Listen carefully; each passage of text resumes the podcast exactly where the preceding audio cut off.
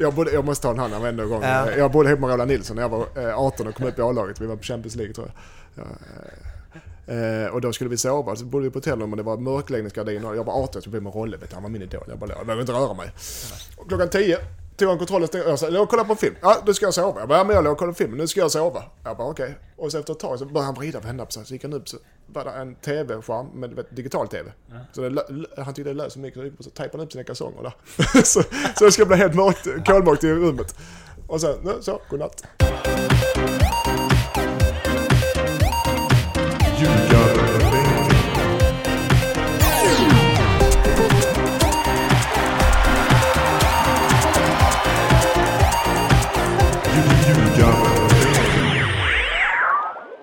Hejsan vänner, NordicBets podcast Ljugarbänken avsnitt 5 är här. Jag som pratar heter Mårten Bergman och när jag inte pratar brukar jag skriva på Fotboll Direkt. Och eh, den andra halvan, eller första halvan, det kanske beror lite på vem ni pratar med, eh, av podcast-duon Ljugarbänken. Mattias Lindström på andra sidan bordet. Hallå, jag skulle vilja säga mig den första halvan, inte den andra halvan. Den första. Okej, kort motivering. Eh, nej, att jag är skåning. Okej, ja. Från snobbstaden Helsingborg har vi eh, kommit fram till tillsammans med dagens gäst eh, Anders Andersson. Ja, hallå hallå från arbetarstaden Malmö. Precis. Hur eh, mår du idag? Jo, jag mår bra. Man kanske inte är, är överdrivet kaxig som skåning idag, Lindström eller eh, Helsingborg, Malmö och på pumpen. Men annars är det bra. Mm. Kort eh, presentation. Vad gör du nu för tiden? Och hur mycket kollar du Allsvenskan? Ja, jag eh, jobbar som eh, expertkommentator på TV4 och Simor och i år så har jag börjat jobba mycket mer med Allsvenskan så att jag följer faktiskt den ganska eh, intensivt just nu. Jag har kommenterat de alla tre omgångarna som har varit hittills och ehm, ja, det är ju skithäftigt. Det är grymt tryck på läktarna och, och ehm, det är mycket enklare att kommentera sådana matcher. Jag har kommenterat en del Superettan innan och det är lite skillnad. Och även med europeiska matcher tycker jag faktiskt att sven- allsvenskan håller sig riktigt eh, bra stämningsmässigt. Har du hängt med sedan du slutade spela? Ja, det är klart att jag har gjort det. Eh, mer eller mindre. Det är så mycket fotboll nu så man har svårt att ta in allt. Eh, men jo, det är klart jag följer allsvenskan. Det, det är liksom där man är uppväxt, kan man Mm. säga. Vi brukar ju köra tre allsvenska rubriker, men innan de tre så kör vi en allsvensk landslagsrubrik. Party-Janne Andersson, klar som ny eh, förbundskapten. Ordet är fritt. Hur reagerade ni när ni läste det? Jag kan börja. Jag trodde inte det. Eh, jag visste inte ens att han var med på den här berömda listan. Jag hade mina pengar på Lennartsson. Eh, jag tycker det är spännande. Jag gillar Janne både som person och tränare. Eh, Så att... eh, eh, Jag vet däremot inte hur han fungerar i, i för ett landslag för han har tränat klubblag hela sitt liv. Det blir spännande. Och även hur han kommer att vara som sin personlighet. Eh, Jag tror inte han kan vara lika öppen som han har varit hittills och prata varmkorv i, varm, bästa varmkorv i Allsvenskan i och för sig. Utan han får nog sluta sig lite för annars blir det trycket för hårt. Ja, jag, eh, jag jobbar ju som sagt på TV4 och jag satt i bil på väg upp till Göteborg eh, för att göra Göteborg-Häcken när Fotbollskanalen ringde. De grävde ju upp det här, eh, Martin och Olof på Fotbollskanalen och ringde mig och jag blev väldigt överraskad. Och, men glad. Jag tror att det kan bli riktigt bra. Jag tycker att Janne pratade med honom några gånger. Han var faktiskt nära, eller nära, men han ville ha mig till Halmstad när jag la av här i Malmö. Han vill ha med också Halmstad så det är, han vill... Han bara, ska Han bara. Han är ute med hoven. Drog in alla gamla rävar. Men, eh, men eh, i alla fall väldigt trevlig att prata med då. Och, och har ett eh, gott fotbollsöga. Jag tycker i och för sig att han, han är öppen med vissa saker. Men han har en stor integritet ändå med familj och sånt här känns det som. Så att, plus att han inte har några sociala medier och verkligen, om man, till skillnad kanske från Hamrén så tror jag inte att han bryr sig så mycket om det som står i tidningarna och läser så mycket, vilket är extremt viktigt för att vara förbundskapten idag så, så måste du vara, eh, det måste rinna av dig för annars så kommer det vara jobbigt. Och jag tror att han klarar det. Dessutom tycker jag att han har gjort ett fantastiskt jobb med ungdomarna i Norrköping som kommer fram. Så han har fått en balans där med gamla rävar och unga talanger och lyckats forma det till, med ett fint passningsspel, bra fotboll så att det är precis det som landslaget ska vara. Mm. Unga och gamla är en symbios. Det är intressant att ni först eh, säger att ni tycker att det är ett bra val och sen berättar att eh, han har velat ha er båda. Exakt, ja men det är väl... Klok- ja, klok, kloka. eh, Men det- han vill ha en lirare då i Anders och så en liten köttare med mig. Så Ja. han har bra, bra mix. Jag hörde, jag vet inte om det är sant, eller jag har hört, det är det nog, att Norrköping har ledigt dagen innan match. Alltid. Jaha. Det har jag nog aldrig hört i hela mitt, att något lag någonsin i fotbollshistorien har.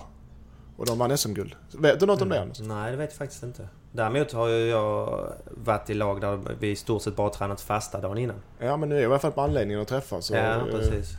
Ja, det får vi gräva lite. Mm. Mm. Det lär ju inte vara, vara så i landslaget. Nej. Samlas tre dagar och träna en och ledig. Eh, vad tror ni att, ehm, eller utifrån att det blev eh, Janne, vad har förbundet velat ha i den nya förbundskaptenen?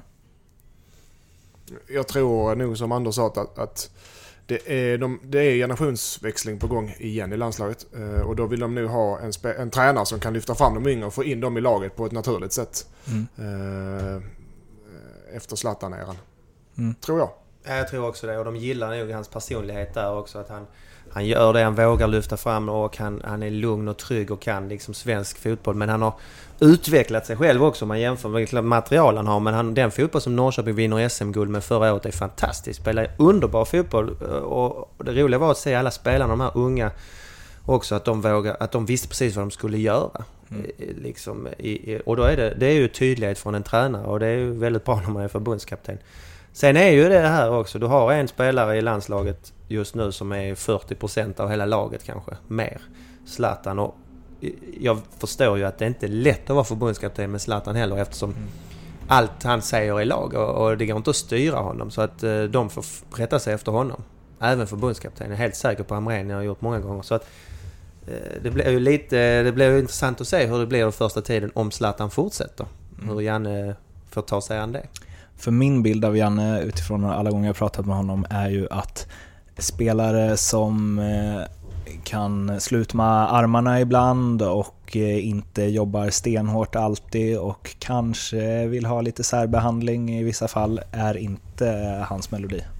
Nej, det är min bild också. Ja, men det är väl helt rätt eller? Eh, så, som Andreas Johansson är väl...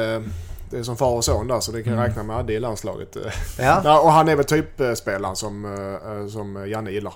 Mm. En, en, en lagspelare som, eh, som verkligen pushar och gör allt för att laget ska vinna. Mm. Men det är också det som u till exempel. Den framgången de hade i somras, det var ju laget och det var profiler som eh, liksom kunde anpassa sig till varandra och jobba riktigt hårt. Så att den nya generationen, är, jag tror det kan bli riktigt bra Sverige i framtiden. Vi vinner många ungdomslag, ungdomslandslag vinner. Vi har många unga spelare som tar för sig. Och, så att jag är optimist här. Men sen ska man ju säga att Hamrén ska faktiskt ha cred. För att, att han har fått ut så mycket av Zlatan. Mm. Vilket Lagerbäck inte fick på slutet. Och, och hade inte... Det är väl inte kanske någon lögn att säga att om inte Zlatan hade varit med så kanske inte vi hade spelat EM. Jo, men så, ja, jag håller med. Men så kan man inte... Ja, nu är han ju med ju. Eller? Om man får ta Ja, ja, absolut. efter, Men det eh, var ju, han var ju inte med när Hamrén tog över. Nej. Och Hamrén lyckades övertala honom att komma in Mm. igen och, och gav honom kaptensbindeln och ansvar så att han växte i landslaget Mm. och gjorde så mycket mål. Och, och liksom, jag tror att så där har ju Hamrén lyckats verkligen. Ja, Hamrén har ju fått mycket kritik och, och han är väl lite känslig för det. Men jag menar, han har gjort sitt jobb och tagit Sverige till EM. Och det var väl egentligen det enda jobbet som räknas va? Och nu får vi se hur det går i EM. Så att jag, jag tycker inte han har gjort ett misslyckat jobb som många, som många säger. Men om man, om man ser på det att liksom Hamrén, eh, ja det, det var ju någonting han sa där i början när han varit hemma och snackat med Zlatan att så här, ja man kan leda en häst till vattnet men dricka måste han själv. Och jag såg en tweet direkt efter att Janne hade blivit eh, Ja, att det hade blivit officiellt att ja, frågan är om Janne kommer leda hästen till vattnet. Och lite så, alltså han har aldrig tränat på den nivån, det hade inte Amrén heller, men han hade ändå varit utomlands. Zlatan har inte, kanske inte jättelångt kvar på sin landslagskarriär eller karriär överhuvudtaget.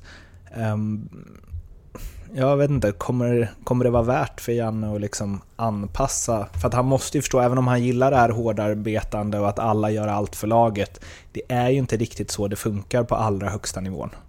Där Nej. jobbar ju vissa mer än andra. Ja. Jag, jag är övertygad om att han är så pass eh, eh, slipad Janne så han kommer att ge Zlatan ungefär samma roll som han har nu. För det fungerar ju uppenbarligen. Ja. Och, och Zlatan är så pass bra. Så det, det, jag tror de andra laget rättar sig i ledet där också. Mm. Eh, och han kommer hålla på toppnivå. Visar han ju nu. Det är hans bästa år någonsin nästan. Eh, I varje fall, vad är han, 34? Ett par år till. Mm.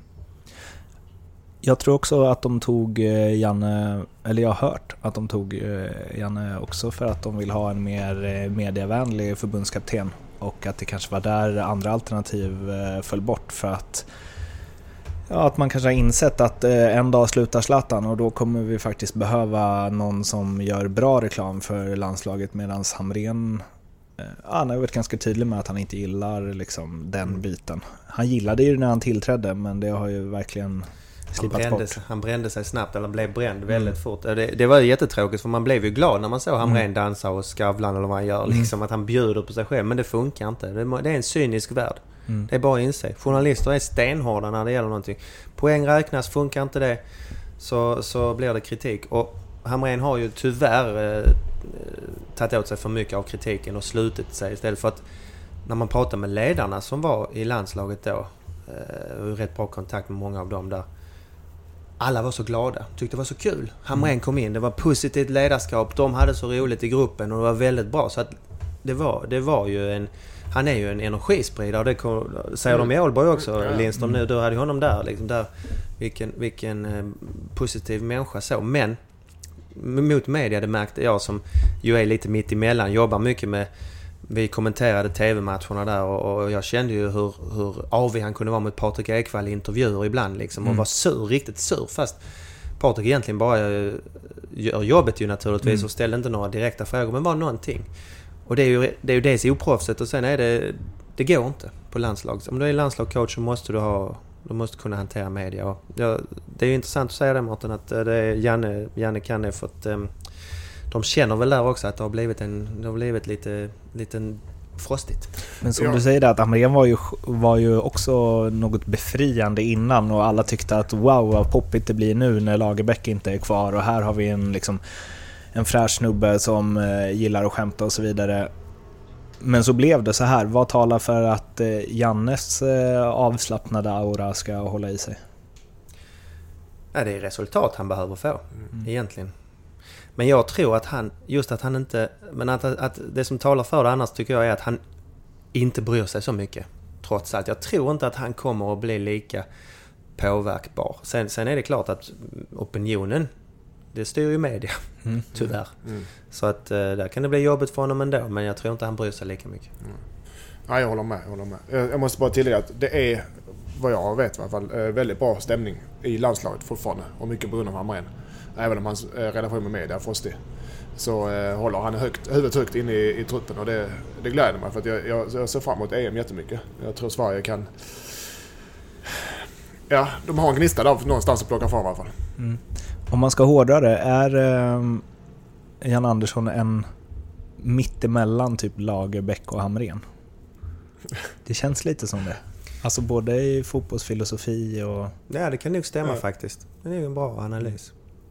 Ja, då stänger vi den diskussionen med den expertanalysen.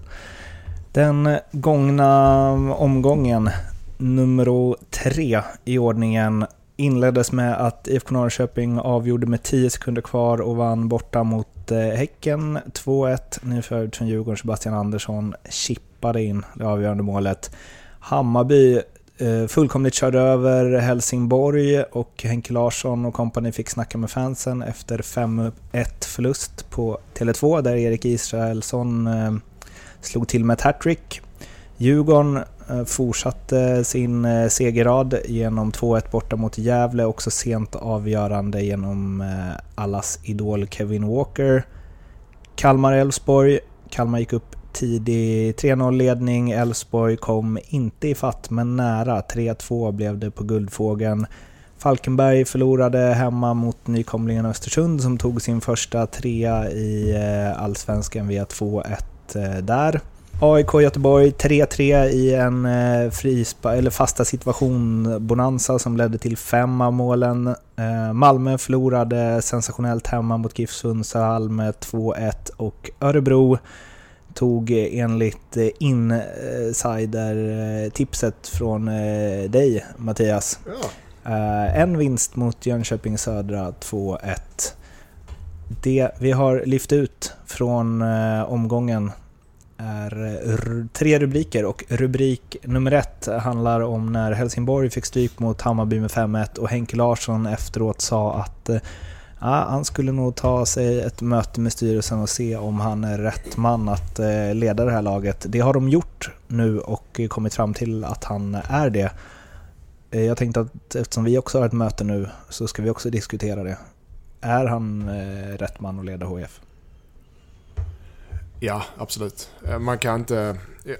Jag vet Henkes... En av hans bra, positiva men även negativa sidor är att han är så dålig förlorare. Så jag tror att eh, det uttalandet var nog mest i frustration. I- Man sparkar inte en tränare efter tre omgångar. Eh, Och man avgår inte som tränare efter tre omgångar. Eh, ja, det, han sitter säker på den tronen och ska göra det tycker jag. Eh, Han jobbar utifrån det materialet och jag som jag har sagt hela året och kommer säga HF kommer hamna mellan mellan 6 och 10 där någonstans. Det är jag inte orolig för. Ehm, Så att, eh, och det är med tanke på resurserna så det är okej jobb. Inledningen då? Eh, ja, den är inte så bra. Eh, nu matchen mot Hammarby var lite märklig match. Eh, eh men visst, Hammarby vann rättvist, men inte med 5-1. Så att, och det var bottennapp. Eh, där är ju en, en, ett orosmoment i HIF som jag tycker är störst. Att de, de saknar när Peter Larsson inte är spelduglig, Langren är inte spelduglig, Mikael Dahlberg är inte spelduglig. Så, eh, så fattas det rutin för att lyfta upp laget när det börjar gå tungt. Det, det kan gå väldigt, väldigt snabbt och väldigt bra. HIF kan vinna med 5-0 hemma mot Falkenberg, men de kan också förlora nästa match med 5-0 för att det är ingen som stoppar upp dem när börjar- raset börjar. Det är det som oroar mig mest. Att eh, de tunga, gamla, rutinerade spelarna måste komma tillbaka. Och då pratar jag inte om Kristoffer Andersson eller Mattias Lindström. Eh, att eh, alltså dålig förlorare må så vara, men att man säger en sån sak, vad sänder det för signaler? Ja, det sänder signalen att han är, tror jag, ruggigt besviken på sina spelare. Eh, med tanke på att eh, de har gjort upp en plan, han har gjort upp en plan och, och eh, när de förlorar med 5-1 så, så säger han att han tror inte kanske han är rätt man att leda. Det betyder ju i mina öron att han tycker att de har inte gjort som han har sagt. Och då kanske de inte litar på honom. Men jag håller med Lindström här om att det är det är säkerligen i affektion, alltså han är affekt där. Att han är riktigt, riktigt irriterad efteråt och förbannad. Och han är ju en, en dålig förlorare, det vet vi alla som har spelat med honom och tränat med honom. Men, eh, men det är så, tycker jag är en riktigt bra egenskap också. Jag håller dessutom med också att det här laget de har, när man tittar HIFs trupp, så även om det är ekonomiska problem och det är lite annat som, som ställer till det så, så har de inte i bottenstriden att göra. Det enda som möjligtvis ska oroa då det är att de, de lag som man räknar på förhand som bottengäng, förutom Falkenberg då kanske, spelar riktigt bra fotboll. Och ut, efter sina resurser eh, överraskar. J Söder Östersund, GIF Sundsvall spelar ju passningsinriktad, väldigt fin fotboll och, och det är inte helt lätt att tas med. Så, att, så att jag tror kanske att bottenskiktet är inte helt givet. Mm. Men eh, jag tror inte HF kommer vara där. Men att han ändå, ja vi, vi snackade om det innan, bytte ut liksom Mårtensson efter en halvtimme. Um, alltså i mina ögon så visar det lite på, eh, jag vet inte, man, vill ha en, man kanske vill ha en trygghet och ett lugn och inte extra rubriker och inte extra snack och liksom inga förhastade uttalanden och så när det går tungt. Och här blir det tvärtom. Alltså, han känns väldigt impulsiv i sin dåliga förlorarkänsla. Ja. Det gör han. Jag tror inte att det riktigt är... Eh, jag tror inte han ännu kanske kan styra det 100%. Jag tror inte det är något som är taktiskt i det här läget. Om man byter ut Mårtensson, som väl var lagkapten också, eh, Jag tror det ja. eller i alla fall en ledare i laget efter en halvtimme. Då, då, det är frågan då lite med ställning i omklädningsrum och sånt här. Vad, vad är Mårtensson? Nu kan inte jag det i Helsingborg riktigt hur det är där men... Du vill ju ha vissa spelare nöjd, mer nöjda än andra eller det är viktigare att ha eh, för att dynamiken i omklädningsrummet och respekten för tränaren ska vara så att eh, då räknar väl jag, då anser väl Henke att det funkar att byta ut honom. Annars, för mig är han en så pass stor ledartyp i laget så han borde kanske istället få en tillsägelse liksom vad han ska göra och, och sen vara kvar på planen. Men det, det där kan ju Henke naturligtvis mer än jag. Men jag, det är överraskande byte tycker jag att man tar ut en sån spelare. Mm. Sån halvtimme. Om det är en markering. Var du med om något liknande när du spelade under Henke? Inte att han byter ut efter 30 minuter. I halvlek har det hänt, eh, Mm. men det är inte ovanligt. Eh, nu vet jag att Mårtensson dras med, med, med, med... Han springer ut och kräks ibland under matcherna. Men jag tror, vad jag har fått läsa och hört, så att han plockade ut den för han tyckte han var dålig. Och det är, det är, är högt spel eh, på en sån ung trupp med Mårtensson som just nu är enda rutinerade spelare i laget nästan. Mm. När, när det är lite skador. Så det är ett vågat spel. Vi får se. Är, eh, för jag ser i Henke, om han nu eh, lyckas lika bra i sin tränarkarriär som han gjorde i sin fotbollskarriär eh, och kommer upp mot de stora klubbarna. Alltså en Sir Alex... För Sir Alex har ju också ett jäkla temperament, men han väntar ju tills dörrarna är stängda och då kastar han skon i huvudet på Beckham. Mm. det känns ju som att det är där Henke måste lära sig kapsla in det. Ja, han, kan, eh, han, har, han har kastat sina skor också i omklädningsrummet. Okej. Men, eh, nej visst, men eh, det är väl så. Han är, han är relativt ny som tränare ska vi inte glömma. Mm. Det, det, det glöms lätt bort eftersom han har med så länge i fotbollsvärlden. Han är relativt ny som tränare och nu tränar han ett, ett stort lag och han lär sig såklart under resans gång. Och han kommer nog inte göra om det här misstaget igen som han gjorde nu. Så efter matchen, det tror jag inte. Det här med att gå fram och snacka med klacken efteråt. Jag såg inte riktigt vilka det var men Henke var väl en och jag tror Jordan gjorde det också. Eh, för att uh, Jordan uttalade sig att han inte tyckte det var okej det de skrek och så. Eh, det ser man ju ändå inte jätteofta. Borde man se det oftare eller liksom just det här med att ta all skit som kommer därifrån utan att säga ifrån? Det är en väldigt bra fråga. Jag tror det är eh, nästan från tillfälle till tillfälle ibland. Jag kan ibland känna att man...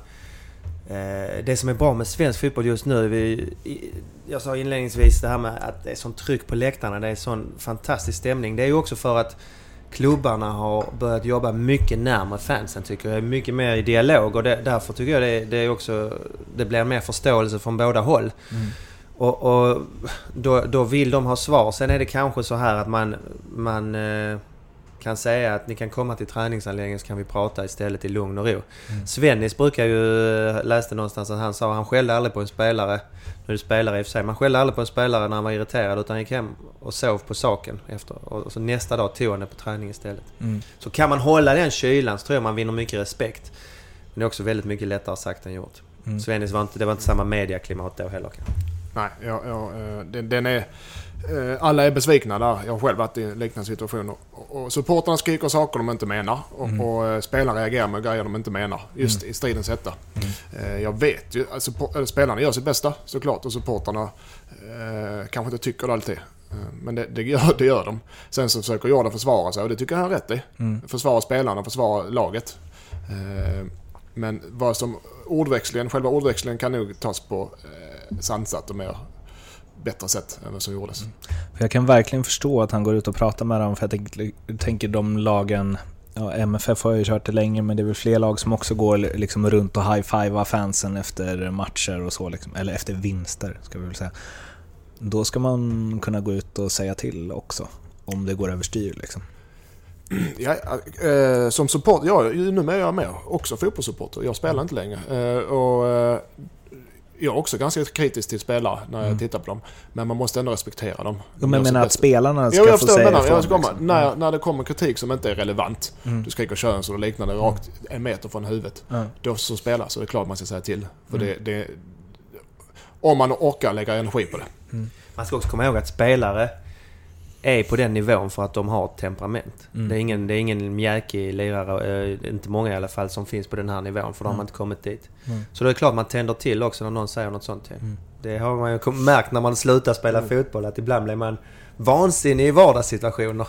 Så inser jag att det, det brukar jag få utlopp för på planen men det fick jag inte nu. Det är därför jag började spela i division 4 med Ödok. Ja, ja. Har ni varit med om att eh, gå fram och prata med fans någon gång? Jag spelade i Portugal i fyra år i Benfica och jag kan säga att där är det en helt annan nivå. Där är det ju eh, så att vi fick sitta kvar i omklädningsrummet en och en halv timme efter eh, normal tid bara för att vi inte vågade, de vågade inte släppa ut oss för det var vansinniga fans som slog sönder bilar på parkeringen och sånt. Så att jag åkte ut en gång med Benfica mot ett division 2-lag eller ett lag i, i kuppen Och då var det det läget. Då hade jag då hade jag spelat bra tre matcher innan. Eh, vi hade vunnit och bra så jag vilade. Så jag kom in i andra halvlek bara. Så att jag blev lite... Det gick okej för mig. Jag fick bara köra med lite gungande bil. Där folk som var lite arga och andra som råkade riktigt illa ut. Så att, eh, jag tycker det är... Det har, eh, det har aldrig något positivt med sig men, men man blir lite härdad av sådana grejer. Men det måste ju varit obehagligt. Ja, det var obehagligt. Mm. Det är klart, när de säger till polisen. Det var någon som berättade för tio år sedan eh, innan detta då som hade hänt att det var någon spelare som hade fått stryk så alltså att han eh, inte kunde spela fotboll mer. Eh, och det är klart att då, då håller man sig rätt passiv. Ja, fy fasen. Det ska sägas att uh, Anders köpte bara en, en ny bil efter de skakade loss den. Det var inga problem. Ja, ja, nej, nej, inga problem. Det var, Nej, det, det, då, då är det en helt annan nivå. Det är, sån, det är inte sunt fotbollsklimat för någon. Går, du, går man på stan efter en eh, torsk då? ja, det gör man väl. Det var... Nej, det har, det har också funnits sådana. Men det har också funnits här i Malmö Det, FF ja, det finns i Helsingborg. Så att Ja. det var, Alltså? Nej, man, jag Ja. kommer ihåg när vi... eh, var när jag var ung och, och, och eh, det var en sån här Malmöfestival. Mm. Och liksom man tyckte det var skitkul att gå här och, och se på musik och vad som helst liksom. Men hade förlorat två matcher tror jag. Och det var liksom rådet till oss då att nej, jag behöver inte gå så mycket på stan. Och detta var ändå på 90-talet. Tidigt, Det var ju liksom 6-7 tusen i snitt på arenorna så och folk brydde sig inte alls lika mycket. Men ändå var folk arga och irriterade redan då liksom. Det, det är passion fotboll Mm. för många. Ja, Mattias, du måste ju säga något om Bayern också som du har liksom Alltså, kapat i två ja. raka avsnitt. Nej, eh, nej det, ja, jag har sagt, jag tycker, jag tycker jag tycker om Hammarby. Jag tycker det är en härlig klubb och jag tycker om alla spelare. Men eh, jag håller, vidhåller mig. De, de Hammarby är inget lag för över halva allsvenskan. Även om de vinner med Helsingborg mot 5-1. Och det, jag vet jag kommer ha rätt. Så vi kan ta den diskussionen eh, efter 30 omgångar. Okrok. Rubrik nummer två. Eh. Malmö FFs eh, minikris. Två raka torsk. Först borta mot nykomlingen J Södra och sen igår när vi spelar in det här hemma mot eh, GIF Sundsvall. Vad är det som händer? Ja, de får det inte att stämma. Jag kommenterade faktiskt matchen igår, eh, MFF Sundsvall och, och eh, det har sett ut ungefär likadant för Malmö. De har ju gått till final i kuppen men eh, på den resan så har de legat under i stort sett varenda match. Låg under mot Norrköping i premiären också och, och eh, hämtar upp. De har hämtat upp de flesta underlägena. Vilket de inte gjorde en enda gång i fjol faktiskt. Men eh, de har ändå kommit. Så de var trögstartade i matcherna. Samma sak igår. Sundsvall spelade väldigt bra första halvan av eh, matchen och, och tar ledningen rättvist också. Och jag tror Allan Kuhn, han har ju... Du har haft honom som assisterande i Ålborg? Mm, Lindström? en, tre år där. Mm. Och det, han, det han har matat in hos spelarna nu det är att de ska sätta intensiv hög press. Det är ju lite som Nanne har tjatat om mm. nästan att det ska vara fartfull fotboll.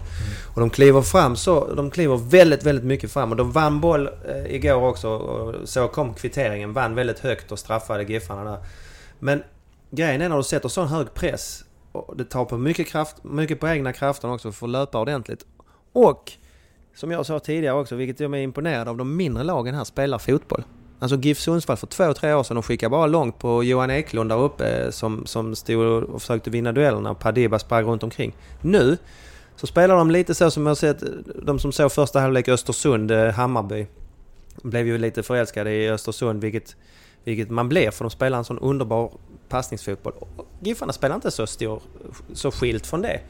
Och ska du sätta press som Malmö FF vill göra nu riktigt intensivt, då ska den pressen sitta 100%. För missar du minsta lilla, någon länk i kedjan som inte är där, då kommer du bli ut, bortspelad och då har du två, tre backar kvar. Vilket har blivit i vissa matcher där de blir straffade ordentligt för att de har, har för offensiv balans. Du får med där. Eh, man skulle kunna säga så här rent krasst. Visst, Malmö så ska det bästa och största laget i Champions League-lag möter, äh, möter Sundsvall hemma. Det är klart att de ska upp och pressa Sundsvall och vinna boll och vinna matchen med 3-0, tänker väl malmöiterna. Eh, eller resten av Sverige. Men jag, tror, jag håller med, det är en liten taktisk eh, balansgång där. Eh, så Sundsvall spelade likadant förra året. De spelade inte oss på Olympia, fullständigt. För vi gick upp och pressa. Hade jag mött Sundsvall, jag hade varit Malmö, jag så hade jag bara legat och väntat på dem. Legat och väntat på dem, för då kommer de ingen vart. För de kan, bara, kan inte hantera det spelet. Och då hade Malmö vunnit matchen, det är jag helt övertygad om. De hade fel, det var helt fel taktiskt eh, ingrepp där igår. Det är lätt hänt att gå den fällan. Malmö förr brukar ju vinna över lag som, som eh, spelar fotboll. För att Ja. de var bättre på det själva. De var Ja. bättre på varenda position i stort sett och hade fart tempo. Men de är inte uppe i den nivån riktigt heller. Alltså Berget, Rosenberg kom inte in igår riktigt i det ordentligt. Lewickis passningsspel lämnar övrigt att önska fortfarande tycker jag. Eh, islänningen de köpte eh, som fick en massa pengar, säg någon Kjartason forward, han var på bänken, kom in. Han har inte visat någonting så här långt och försvaret blir som sagt lämnat lite ensam och det, det klarar de inte. Så att spelarna har inte kommit upp i nivå riktigt och laget sitter inte och det, det får väl Allan Kuhn ta på sig lite. Han är ny och har inte riktigt fått in sina idéer att stämma hundra. Frågan är, eh, just Malmös fall, vad är tålamodet? Nej, det är... När, när, vad har de... Cupfinalen eh, måste vinnas Ja. annars... annars eh, där är ju det viktiga. Mm. För de har, Malmö har Jönköping... Nej, det mötte de tidigt. Vilka har Malmö Nej, borta? Malmö har Elfsborg borta, Bort- sen har de eh, Mm. Djurgården, Djurgården hemma, sen har de Göteborg borta. Så att det är ju inget lätt schema. Och Allsvenskan delar sig ganska snabbt nu. Mm. Ja, vi får se. Av, eh, av det du sett av Malmös spel, hur mycket är... Ja, nu var ju Allan Kuhn assisterande i och för sig i Ålborg, men liksom hans fotbollsidéer, får han igenom dem och de är fel eller får han inte igenom dem? Jag, jag vet inte vad som har sagts där men, men eh, eh, det är ganska tydligt även i Ålborg att han, han gillar ju eh, när man verkligen kör ah, järnet. Man ska fram och pressa högt och man ska, man ska vinna tillbaka bollen snabbt när man tappar den och det köper jag. Men man måste kunna ställa om sitt spel beroende på motståndet också. Mm. Eh, jag tror jag tror att spelarna gör som de är tillsagda, det förutsätter jag. Mm. Men det, men det, det kan nog krävas, eh, det kan nog krävas lite bättre samspelt lag. För att Malmö är inte samspelt överhuvudtaget. Men det, nej, det är inte riktigt... Det håller jag med om nu. De är inte riktigt samspelta. Men man, om man ska se på det eh, lite med mildare ögon så hade de 17-6 i avslut på mål igår. Och första delen av andra halvlek då gick de ut och satte en sjuk press på Sundsvall. Och Sundsvall bara fick sk- skicka ifrån sig. Och det var... Det var riktigt, där fick, de, där fick de igång det pressspelet och, och massor av avslut på mål. Två hyfsade frilägen kanske som borde varit mål. Naurin gjorde några jättefina räddningar. Så att, visst, mål, mål definierar en matchbild och, och hade de fått mål där så hade det varit annorlunda. Mm. Men det är, en, det är en väldigt kraftödande spelstil att, att vara, sätta sån hård press. Jag bara säger, om jag, om jag hade spelat mot eh, Sundsvall hemma mot Malmö så hade jag spelat med, uh, varit passiv. Jag hade varit passiv första halvlek och väntat på Sundsvall. Och legat där och väntat. Det ligger inte i Malmös... Nej, jag vet eh, inte jag det. Men, Men det, jag kan hålla med. ja. Taktiskt tänka lite mer. Ar- arbetarstaden vet du, Ja, kämpar vi från Ja, vi- första minut. Ja. Eh, Joel Cedergren, Sundsvalls tränare, sa efter matchen vi såg när vi analyserade Malmö att vi skulle försöka hota dem i vissa delar av spelet och då fick han frågan vilka delar? Djupledsspelet centralt bakom Arnason och Jotun. De tycker jag är deras svagare länkar. Finns det fler delar? Ja, obalans. De går fram med mycket folk och lämnar ibland bara två mittbackar. Eh, även om det inte var så mycket obalans idag.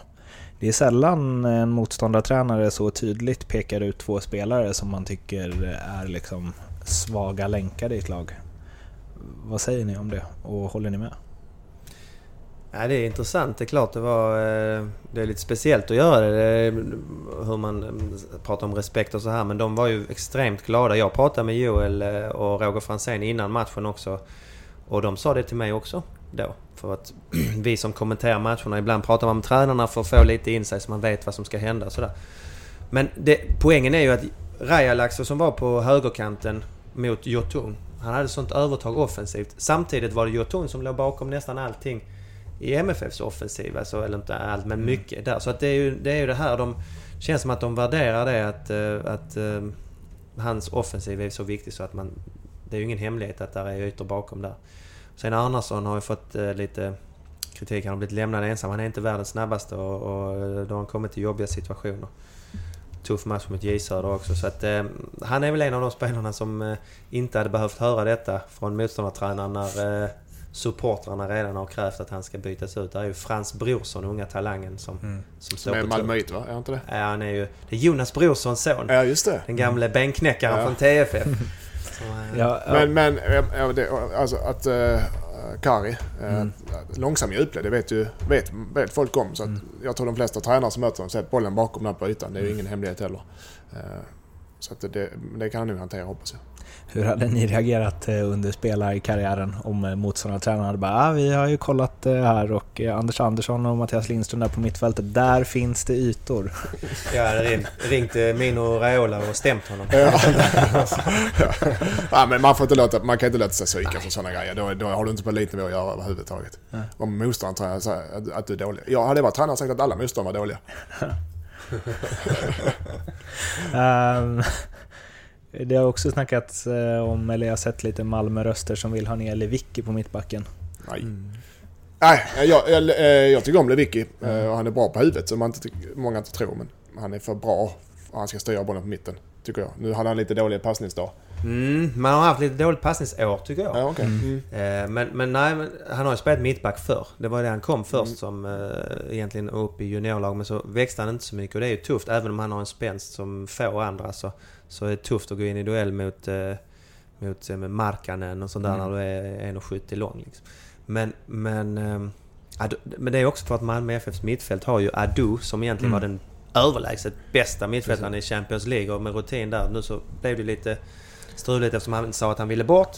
De har Rakip som Mm. har gjort jättefina inhopp. De har Wolf Ekrem som sades vara det bästa nyförvärvet förra året och gjorde poäng eh, i, I början. i början av där ja. Och, så att, de, har- det, det, det, och de har Mattias Svanberg, 99. Mm. Som nu Isak i, i AIK har gjort eh, det riktigt bra, så kommit in 99. Men har, Malmö har en talang där som är något utöver det vanliga som ni kommer, kommer Han kommer att bli riktigt, riktigt bra. Men det är inte lätt att spela med Malmö FF med den konkurrensen. Och. Och när vi ändå är inne på fäder, Bosse Svanbergs eh, son. Ja, så, eh, men, eh, legendarisk eh, hockeyspelare. Det är därför Lewicki inte ska läsa mittback. För det, du, du, ja, det är äh, Ado då, men det mittfältet är offensivt balanserat. ju. Du behöver någon som är Ja. defensiv som Lewicki är där. Adu är också hyfsat eh, Ja, balansspelare. förutom honom alltså. då, men... Ja, förutom honom ja. Nej, du har rätt. Det är, det är ju det som är... Nej, jag tror, att, jag tror att någon av dem på mittfältet där kanske för sin egen skull, och Rakip framförallt kanske borde få spela Mm. mer. Mm. För han är, alltså han är duktig fotbollsspelare. Ja, Riktigt duktig. Men han har ju haft nu, vad är det? Tre år där han har gjort inhopp i stort sett. Mm. Så att hade jag varit hans rådgivare så hade jag sagt att kanske prova lyckan. Det kanske de har sagt. Nej, det kan du nog ha sagt Ja. ja. Rubrik nummer tre. Kommer jag inte på någon eh, fyndig än, men AIK Göteborg. Fri, fasta situationer matchen. 3-3. Hysén eh, gör mål och det blir eh, misstag av målvakter enligt Fjällström, vilket Alvbåge gick igång på. Och en omdiskuterad situation som jag tänker är ganska intressant när eh, jag tror, jag kommer inte ihåg vem det är, men som springer mot Ankersen. eh, Ankersen mot Karlgren. Och Dansk du dynamit. sa ju förra avsnittet att du tycker att målvakter lever alldeles för skyddat. Ja. Ja, ja, och där kom eh, en perfekt situation för, för min ståndpunkt. Mm. Jag, jag tycker inte det är frispark. Utan, eh, båda kollar på bollen. Eh, Ankersen har mål, eh, rygg, eller han ser ju inte Karlgren ens. Utan Karlgren ser både Ankersen och bollen och går in och 50-50. Eh, jag tycker inte det är frispark till... Eh, Nej, då får jag Tvärtom. äntligen hålla, hålla med. Eller, hålla, eller rättare sagt, eh, inte hålla med utan Nej, gå emot. Lindström. ja. Mm. Eftersom jag tycker att Karlgren har bollen i händerna. Nej. Jo. Han får, han får, där är så pass, han har bollen i händerna i en kort stund. Och det räcker för att, det ska, att han, bollen är hans som målvakt. Den här eh, klassiska fem fingrar eh, Ja precis, tio fingrar på bollen. Fingrar på bollen, ja. han håller den i, han håller, men, men samtidigt är det en sån här situation. Men du vet, ja. Fortsätt. Jag gillar också det du Ja. sa. Jag håller med dig Lindström också att, de ska, att målvakterna är väldigt skyddade ofta och att det blåser. Mm. Men jag har sett flera gånger nu att det blåses inte så mycket till målvakter vilket är positivt. Men eh, ser man inte det förrän, man, förrän det är en repris så tycker jag att då har domaren eh, rätt att göra fel. För att om inte vi som sitter och tittar kan bedöma det heller, och som sitter på läktaren och ser TV-bilderna. Förrän man ser det i ultrarapid så är skit samma. Då, då, är det, då är det så. Men Ja. jag tycker att har han... Jag tyckte han hade... Ha, om man har det, ja. Det tyckte jag. Ja, det tycker inte jag. Så att, eh, ja. Då tycker jag som eh, domarna som varit utbildad säkert i tio år. Lite... Ja. Men när man tittar på, jag tror att man såg reprisbild, de analyserade igår kväll på eh, fotbollskväll lite grann och där, ser man att han har... Ja. Jag tycker han har, men sen vet inte jag hur länge han ska ha den faktiskt. Det kan inte jag, man måste ha den en längre stund eller om det räcker för att det ser ut som att han har den i händerna i alla fall en halv sekund. När vi ändå är inne på eh, regelverk eh, så har jag en fråga. Jag, för jag får inte svar. Hur är det med friluftsutvisningar? Har det blivit ändrat på det? Kommer, eh, det kommer efter EM. Efter er? Jag tror att till EM kommer de att... Uh, Bosse Karlsson berättade detta för mig och jag tror att det var så att de kommer att ta det på EM, alltså börja använda det på EM och sen kommer det användas i Allsvenskan efter EM. Att om det inte är en, alltså om det är en vanlig tackling som inte är vårdslös och, och det är sista gubbe så åker du inte ut Mm. utan du får varning. Den är schysst. Eh, En annan grej som, som är eh, petitess, men för mig är den väldigt viktig. Får man glidtackla? Får man glidtackla på konstgräs? Ja, det får man. Du Men får byta lakan efter. Ja. Avspark. Får man spela bollen bakåt efter EM också? Är det en ny regel? Nu måste den spelas framåt och det stör mig. Varje, jag har gjort det hela min elitkarriär. Varje avspark jag tar, man måste spela bollen framåt. Kommer man få spela bollen bakåt? Jag hörde någon, läste någonting om det. Eh, Mårten, journalist. Kan du kolla upp det? Sjukt Ja, ointressant ja, det kan tyckas. Ja, Jag tycker inte det. Ja. Varför det? Vad är det för viktigt med det? jag, jag tycker det, att du ska få välja på din avspark. Det är, din, det är lagets boll och du står där. Du ska få välja om du ska spela den 10 cm framåt eller 10 cm bakåt. Det ska för fan inte spela någon roll, ursäkta språket. Nej, men... Ja, Bakåtsträvare, typiskt. Du vill inte Ja, framåt. alltså. jag brinner för den här frågan. Jag hörde någon, kan du kolla upp det till eh, om ny, nästa re, nytt regelverk om man spelar bollen bakåt på avspark är okej. Mm. Eh, Maila gärna till Mårten och titta. Det är gott att Mattias tycker han brinner för den frågan. Jag säger något sjukt ointressant. Men det är, Det är nu... Det är fotbollspassion. Det är nu man hoppas att ingen så här, eh, vad gör du? Jag jobbar. Ja, men vad då? Nej, jag sitter här och kollar upp huruvida man får spela Ja, bollen ja, ja, bakåt ja. på avspark. Men nu är det min Ja. podd ihop med dig Mårten, så nu kan jag ta upp sådana här ämnen som jag tycker är viktigt. Ja, absolut. I övrigt... Nu tappar vi eh, sig några lyssnare tror jag. Men det, A- AIK Göteborg. Eh, vad säger ni? 3-3, två tungviktare som ska ligga med i toppen. Vad sa den här matchen? Vad kan man dra för slutsatser från den här matchen? det är väl eh, klassisk AIK Göteborg-match. Tufft, jämnt, eh, kan svänga åt båda håll som AIKs matcher på Råsunda har gjort de senaste åren. Eh, det är High Chaparral utav hög standard, underhållande, många offensiva goda kvaliteter men även brister, och otroliga brister defensivt. Göteborg, eh, som jag tror kommer vinna Allsvenskan, är nöjda med att kryssa, jätten, jag är säkert jättenöjd med att kryssa borta mot AIK, det tror jag. ja, det är faktiskt eh, lite intressant det här att AIK under Alm är, mycket svajigare bakåt och, och offensivt lagda. Men så här, Göteborg är ju inte det. De är väldigt trygga. Förra året släppte de in, jag vet inte hur lite mål, men det var väldigt få. Och nu har de hållit nollan i två matcher. Nu släppte de förvisso in tre mål den här gången, vilket ju kanske s- kan påverka något för framtiden sådär. Men, men det känns som att de är extremt stabila. Och när då Hussein direkt levererar som han har gjort så, så känns det också som att de är de är ett hot. Då är ju, inte, då är ju Rogne på väg tillbaka som kanske är Allsvenskans bästa mittback. Eller var innan han blev skadad. Eh, nu klarar de sig bra med Bjärsmyr och, och Hjalmar Jonsson. Så att eh, ytterbackarna, fantastiska också. Landslagsmässigt, eller landslagsspelare i Sverige och Norge. Så att IFK Göteborg kommer definitivt vara med hela vägen. AIK är jag inte riktigt lika säker på eh, faktiskt. Nej, inte jag heller. Men eh, där är, ju- för mig är det fem sex lag som kan vinna Allsvenskan och då räknar jag inte med Djurgården. Får jag höra? Jag är nyfiken. Ja, Ja. Alltså jag tycker inte det fanns någon diskussion innan. Örebro hade jag som en outsider, möjligtvis om de lyckades. Nej. För de men alltså inte att vinna Allsvenskan, men att vara med i toppen Ja. kanske. För de har bra, de har Axén intressant och de har ett bra lag. High five. Men! Nej men för mig är det Norrköping har knappt tappat. De har tackat Alexander Fransson, fantastisk spelare. Kul att han får speltid i Basel. Men de har inte tappat någon mer i stort sett. Och, och eh, spelade riktigt välförtjänt till guldet förra året. Och sen är det MFF då, med den trupp de har. AIK Göteborg. Ehm, Elfsborg har jag med där också. Och Häcken. De två tror jag kanske inte riktigt kommer att räcka hela vägen. Men de sex hade jag. Mm. Djurgården räknar inte med för att de hade så tunga pjäser borta Mm. nu i början. Så de skulle inte hänga med i början. Så att nu har de gjort det ändå. Där kan det vara. Men annars, jag räknar bort Djurgården så jag har de andra. Mm. Vad säger du om det? Jag eh, köper eh, Norrköping, AIK. Ja, Norrköping, Malmö, Göteborg. AIK till viss del. Ingen annan kan vinna med dem. Nej, Elfsborg vinner inte, det vet du. Tio Häcken lag har inte det. vunnit. Nej, de har, Det vet du också att de inte Ja, vinner. nej, de Örebro vinner inte, vinner inte, det vet du också. Mm. Tio lag kan vinna. Ja. Tio lag har vunnit på 2000-talet. Ja, ja, jag vet. Ska sägas, jag har vunnit två gånger däremellan. Men jag ska, säga, ska sägas också att... Eh, Vad sa ni? Två stjärnor på eh, tröjan? ska sägas också att förra året så tyckte jag Djurgården var det bästa laget vi mötte och Norrköping var det sämsta på Olympia. Så att, eh, det säger väl min kunskap. Ja, okej. alltså, jag, jag, jag, hade turen att kommentera Norrköping eh, typ omgång fyra från slutet, omgång tre från slutet. Och de spelade under press då ju. Gö- Göteborg AIK jagade och de hade... Men de spelade Ja, samma jag är fotboll hur långt som helst. Ja, så de, och de, eh, Kujovic bra, eh, inte bara i målskyttespelet också. Ja. Och de började redan på, i Atlantic Cup. Ja. ehm, Bra. fruktansvärt bra. Vet du vad? I, I Portugal, där jag har spelat, eh, där har fem lag vunnit ligan genom tiderna. Mm. Och det har, då har Belenenses vunnit två gånger på 40-talet. Boavista vann en gång 2001 eller 2002. Mm. Annars är det bara Mm. Sporting, Porto, Benfica. Mm.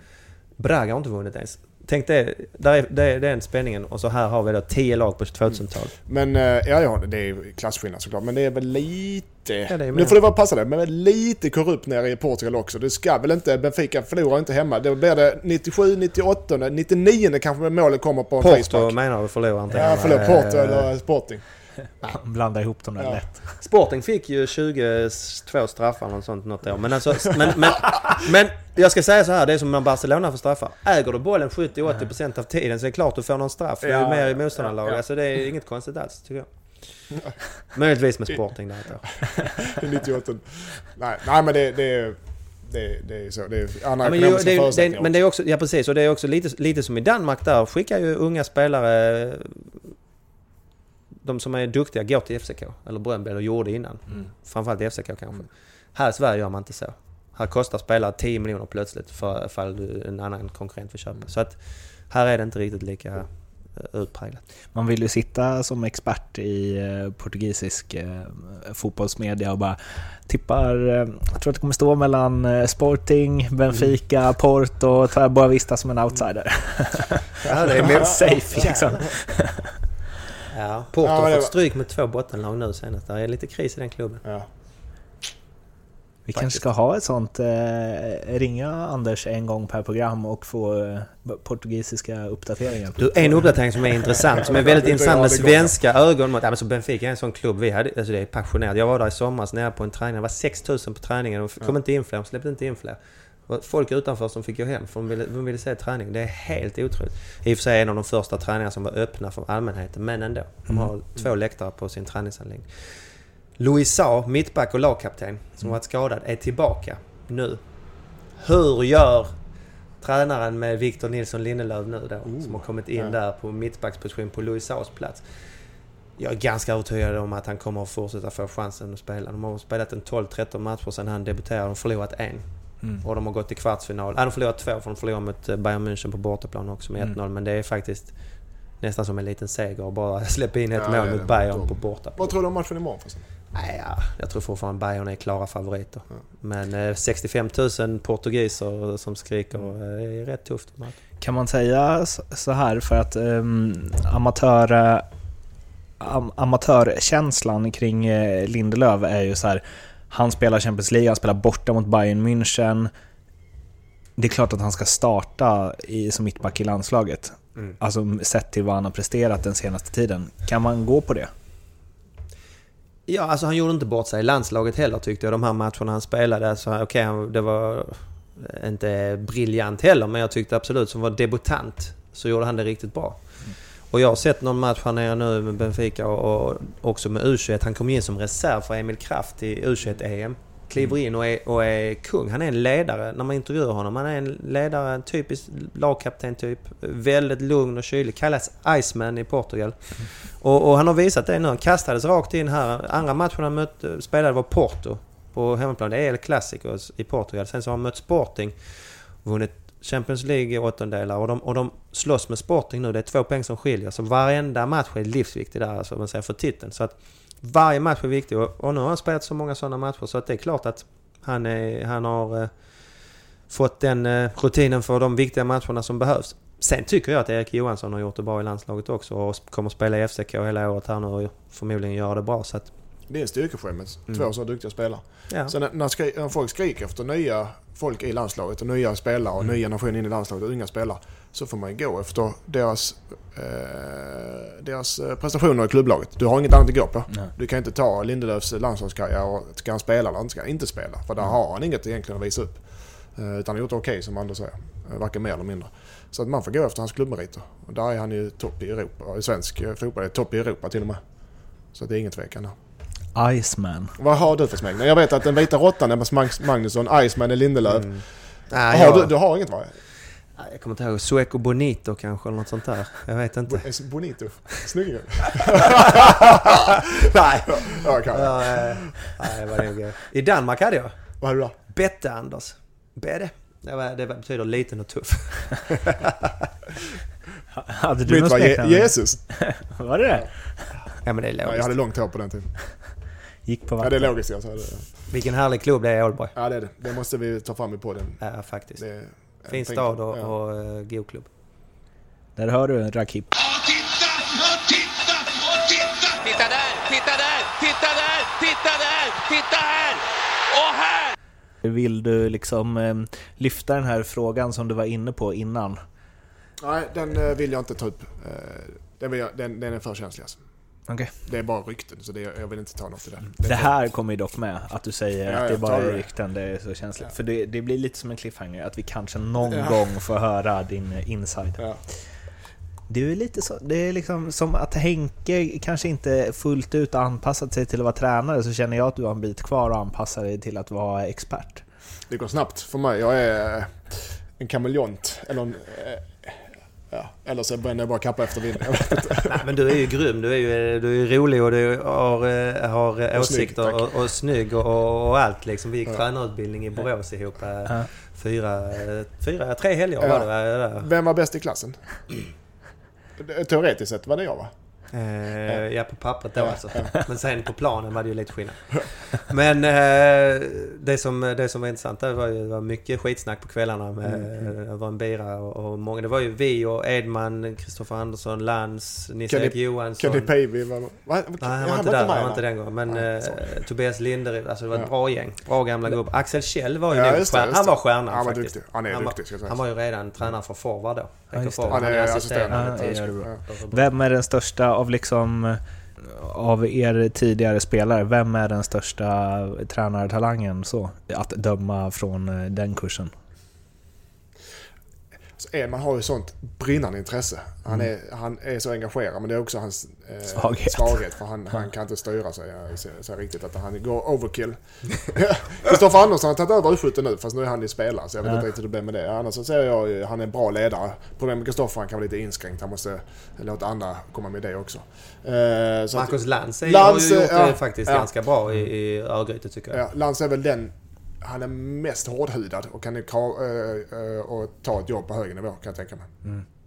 Det man ser fram emot om Edman blir tränare, det är när han lackar ur och något inte går som han vill och han bara springer hem från träningen. Nej, nu får du vara snälla mot Mr Edman. Han- Vi ska ha med honom fler gånger. Ja, men det är kärlek för att det är ju en av de underbaraste människor man känner. Ja, och, ja. och han är ju så spontan. Och det är ju det som var så roligt med alla hans citat som finns i, i vissa tidningar. Så. Det jag kan säga med... Du, inte riktigt, Mårten, du sa att eh, Lindström har inte riktigt va- vant sig vid rollen här. Det som, som, jag har ju jobbat som expertkommentator nu i åtta år eller vad det är, något sånt där. Man är fortfarande spelare. Jag, är, jag jobbar med journalister varje dag eller hela, varje vecka i alla fall. Sådär. Och det jag, det jag känner är att jag, jag sätter inte någon spelare. I, om jag får reda på någonting sådär så... så man, man känner för sig fortfarande som spelare. Man vet hur tufft det är. Så att, så att där, där tar man inte den rollen. Därför vill inte jag heller hänga ut någon sådär i onödan. För att det är rätt tufft. Så jag tycker du ska ha all heder av att du inte ville göra det om du, Tack. i vissa situationer. Ja, och det kommer jag inte göra. Vi får väl se i avsnitt 21. Ja. Men, eh, ja, ska vi gå vidare på min spaning då? Vad det vi pratade om? Eller har vi pratat om? Ja, Har vi pratat om den? Nej, det har vi inte. Har vi inte det? Nej, jag, eh, Det här var inte din spaning? Nej. alltså. Får jag bara eh, snabbt, eh, Isak, hur stor talang eh, sett till alla som kommit fram de senaste tio åren? Liksom? Jag har, inte, jag har inte sett honom så mycket ska jag säga, men, men det han presterar så är det topp fem. Tillsammans med Johnny Rödlund. Johnny Röhlund. Jag bodde ihop med honom en gång. Jag var med i u Alltså herregud. Vilken profil. Vi kan ha ett helt avsnitt om honom. Eh, men jag tänkte jag var man var själv 17 år typ och han eh, 20. Fullständigt vansinnig. Jag, bodde, jag måste ta en annan vända gång. Ja. Jag bodde ihop med Roland Nilsson när jag var eh, 18 och kom upp i A-laget. Vi var på Champions League tror jag. Ja, eh, och då skulle vi sova. Så bodde vi på hotellrum och det var mörkläggningsgardiner. Jag var 18 så blev med Rolle. vet du, Han var min idol. Jag bara, jag behöver inte röra mig. Och klockan 10 tog han kontrollen och jag sa, jag kollar på en film. Ja, nu ska jag sova. Jag bara, ja, men jag låg och kollade på film. Nu ska jag sova. Jag bara, okej. Och så efter ett tag så började han vrida och vända på sig. Så gick han upp så var det en tv-skärm med vet, digital tv. Så det, han tyckte det lät så mycket så, och tejpade han upp sina kalsonger där. så, så det ska bli helt mörkt, kolmörkt i rummet. Och sen, så, godnatt. Alltså Roller My Man, jag drar, jag drar alltid ut TVn på hotellrum. För att jag stör mig på att det Ja. lyser. Ja, ibland är det skarpt, jag håller med. Jag tejpar också gardiner. och så. Men alltså Rolle är ju eh, proffs. Han var ju proffs ut i Ja, fingerspetsar. ja, ja, ja. Fantastisk alltså. människa ska sägas också. Okej. Ja, eh, jag frågade hur stor talang Isak var och fick en kalsongtapes-story om Rolle Nilsson tillbaka. Det är ändå... Ja, förlåt. Anders, En tar du över... eh, Nej, jag, jag är inte riktigt... Jag kan inte säga att det är topp 5 ännu för jag tycker att det, det, han har mer att bevisa, Mm. Isak. Och, och där är många som har gjort eh, bra i debuten och sånt. Så att där finns, det är en lite speciell spelartyp så att det kan bli eh, riktigt, riktigt bra. Men man är inte 100% säker där faktiskt. Känner inte riktigt att det är som Kim Källström när han kom fram ännu. Där var ju en talang. Ja, okej. Om det som vi trodde var din spaning inte är din spaning, vad är då din spaning? Titta! Titta! Och titta! Titta där, titta där, titta där, titta där, titta här! Och här! Arenanamn. Mhm. Eh, det, är bara, eftersom jag, det är bara för att jag, som Anders sa, jag, är, jag la av för ett halvår sedan så jag är fortfarande HIF. Jag vill eh, på något sätt kan jag tycka. Och lider med klubben med allt som händer där. Eh, det är inte bra på något sätt. Eh, men däremot, jag kan bli hängd för det här. Men eh, folk säljer sina arenanamn. Swedbank Arena. Norrköping Nor- senast va? Swedbank Stadion. för, ja, förlåt. Eh, Gulport Arena och Falcon Alkoholfri Arena och, och nu Norrköping. Ja, Östgötaporten va? Precis, igår. Ändå ganska bra. Ja, det är inga problem. HF har en ny jättefin, Sveriges finaste arena kommer det bli. Eh, på gång och ska vara färdigt nästa år. Och Olympia heter jag, jag ser inga problem att HF som är ekonomisk kris behöver pengar säljer sitt varumärke. Säljer Olympias varumärke eh, till någon stor sponsor och får in x antal miljoner. Eh, och hjälper säkert till med driften också. Det ser jag inga problem med. Och jag vill, hade ju velat att HF gör det. Eller i varje fall eh, överväger det. Eh, Supportrarna vet jag vad de tycker. De tycker såklart inte det. Men för klubbens eget bästa så ser jag inget negativt i det. Eh, det kommer göra ont på eh, själen att Olympia heter något annat. Men det är för klubbens bästa på lång sikt så är det, behöver, kan det vara mycket bra. Alltså det är. Det är ju Och det är inte hela världen. alltså, eftersom det är så många töntiga namn här så måste det ju generera rätt mycket pengar för Ja, det, klubbarna, ja, jo, men det, utan att vara insatt rent ekonomiskt vad det är så förutsätter jag det såklart. Sen tror jag ni sa i början att eh, Falkenberg spelar på den arenan, men det gör de ju inte ännu. De spelar fortfarande på Falkenbergs IP. Just Ja, det. ja. Så att... Eh, jag tänkte mest på HFs eh, situation Ja. och eh, det kan vara... ingen tvekan att de nej, måste ta pengarna Det kan vara ett bra sätt att eh, Ja. få pengar till klubben. Så är det. Sen Alltså det inte vara... Tele2 och Friends, vad är det för namn egentligen? Nu, nu kan jag, jag kan tycka att Östgötaporten där kände jag också, vad fan, idrottsparken, parken, nya parken var konstigt att säga. Men parken var i alla fall kvar. Mm. Det känns ju, Norrköping är också en riktigt anrik klubb Ja. och där, där, kändes, där kändes det lite konstigt. Ja, och jag vet, det känns ju som HF så känns det. Det är klart. Och inte gå till Olympia längre, utan gå till eh, Ramlösas eh, brusande eh, arena. Alkoholfri. Alkoholfri arena. Men om jag ser mitt HF vinna och spela Champions League där så är det värt varenda reklampelare. Precis. Du, eh, ska du ta fram mobilen eller är du redo ändå? Jag ska ta fram mobilen. Hello! A little surprise for you, my friends. Lindströms tips. Du får gärna fylla i hur det gick förra veckan. Det gick bra. Jag riggade bara ett eftersom jag inte riktigt eh, vågade lita på dig. Och det satt ju, men de andra två satt också. Göteborg vann. Två, över två och ett halvt mål i eh, Örebro och Helsingborg. Ja. Och eh, Norrköping vann också mot eh, Kalmar. Den hade jag också.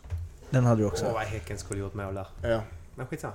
det var inte... Tre, tre av tre. Vi går vidare den här veckan. 3-3. Eh, jag har tre spel som... Jag räknar med två ska jag sitta. Du får gärna fylla i Anders som du är allsvensk expert nu med. HIF vinner hemma mot Falkenberg. Vi får hela 1,65 på den. Är det någon som misstycker? Nej. Nej. Lågt. Men, Ja, men men alltså- kan det vara Hasse Eklunds tur nu mot Henke? Just det. Nej. Nej. Jag tror inte. Jag tror att HIF vinner det. det där tippar jag inte med hjärtat utan med hjärnan. Uh, över 2,5 mål till 1,78. Norrköping AIK. Ingen tvekan heller va? Nej, det är nog en mål. Norrköping gör mål, det vet vi. Hemma AIK gör mål, det vet vi. Eh, och det här kommer du gilla Anders, för den här är det bästa spelet. Över 2,5 mål, Elfsborg-Malmö FF. 1,80 också. Ungefär. Ingen tvekan där heller. Nej. Malmö har goda minnen från Elfsborg. Ja. Borås som har tagit guldet där. Men, eh, och Bo- Elfsborg är starka hemma. Men såg riktigt risiga ut. Ja, jag vet. Kalmar. Jo, jo, men Elfsborg är... Jag vet, de är risiga, men hemma är det på konstgräs så är de offensiva och Ja, och Malmö absolut. måste vinna. De har inget val. De kan inte åka dit och Nej. kryssa. Nej, det blir en intressant match. Så att eh, HIF, etta. Eh, över 2,5 mål i, i Norrköping, AIK och Elfsborg, Malmö FF. Det är väl tre spel och jag räknar med eh, att två i varje fall går in. Släkten är värst. Adam Eriksson assisterar VD till eh, mål. Någon av VD-bröderna Ja, ja, ja. till mål. Ja, så precis. Falkenbergsspelarna krossar sitt gamla lag. Ja, ja, eh, HF är piskade att vinna. Mm, det är de faktiskt. Och oddsen är alltså från Ja, NordicBet. det, eh, Nord, förlåt. Eh, ska spelas på NordicBet såklart. Det var allt tror jag, om ingen har något att tillägga. Vill du ha en kvart till om portugisiska eller? Nej, jag tror att lyssnarna hade varit rätt trötta på det. Men eh, där är många stories vi kan ta någon gång. Ja, det tycker jag.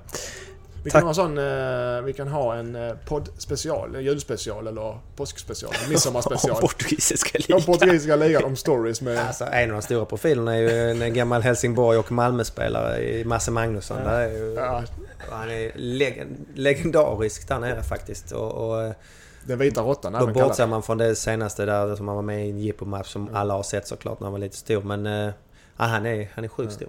Ja, där kan jag fläka in också. Flika in, fläka in, flika in. Jag, eh, när jag eh, var 13 år gammal, så när han var som störst då, och när jag kom hem till HF, Masse. Eh, vunnit eh, Guldbollen och allt vad det var, Europacupen och fan. Eh, då blev han tränare för mitt P13-lag i HF. Och då åkte vi till Gothia Cup. Och han som flyger första klass och allting, han kom och la sig på en, sov på en luftmadrass eh, bredvid mig i en gymnastik. Så jag tänkte, ja fasen ska jag sova? Ska jag sova han? Jag trodde han sov på lyxhotell bara. Sov han där.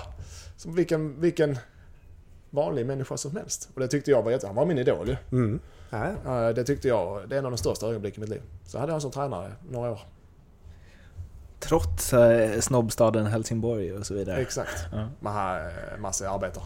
Massa arbetare. Mm, det var därför han gjorde succé i Malmö FF och inte Helsingborg från början. Eh, ja.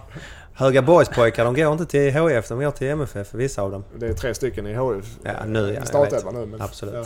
Nej, då jag tänkte på Jocke, Jocke Persson också, kom där och masse. Eh, Judas-Jocke menar du? Klipp det! Det! Vi, vi avslutar med de orden. Eh, tusen tack Anders för att du ville vara med. Ja, Mycket tack så trevligt, mycket. mycket Tack. trevligt.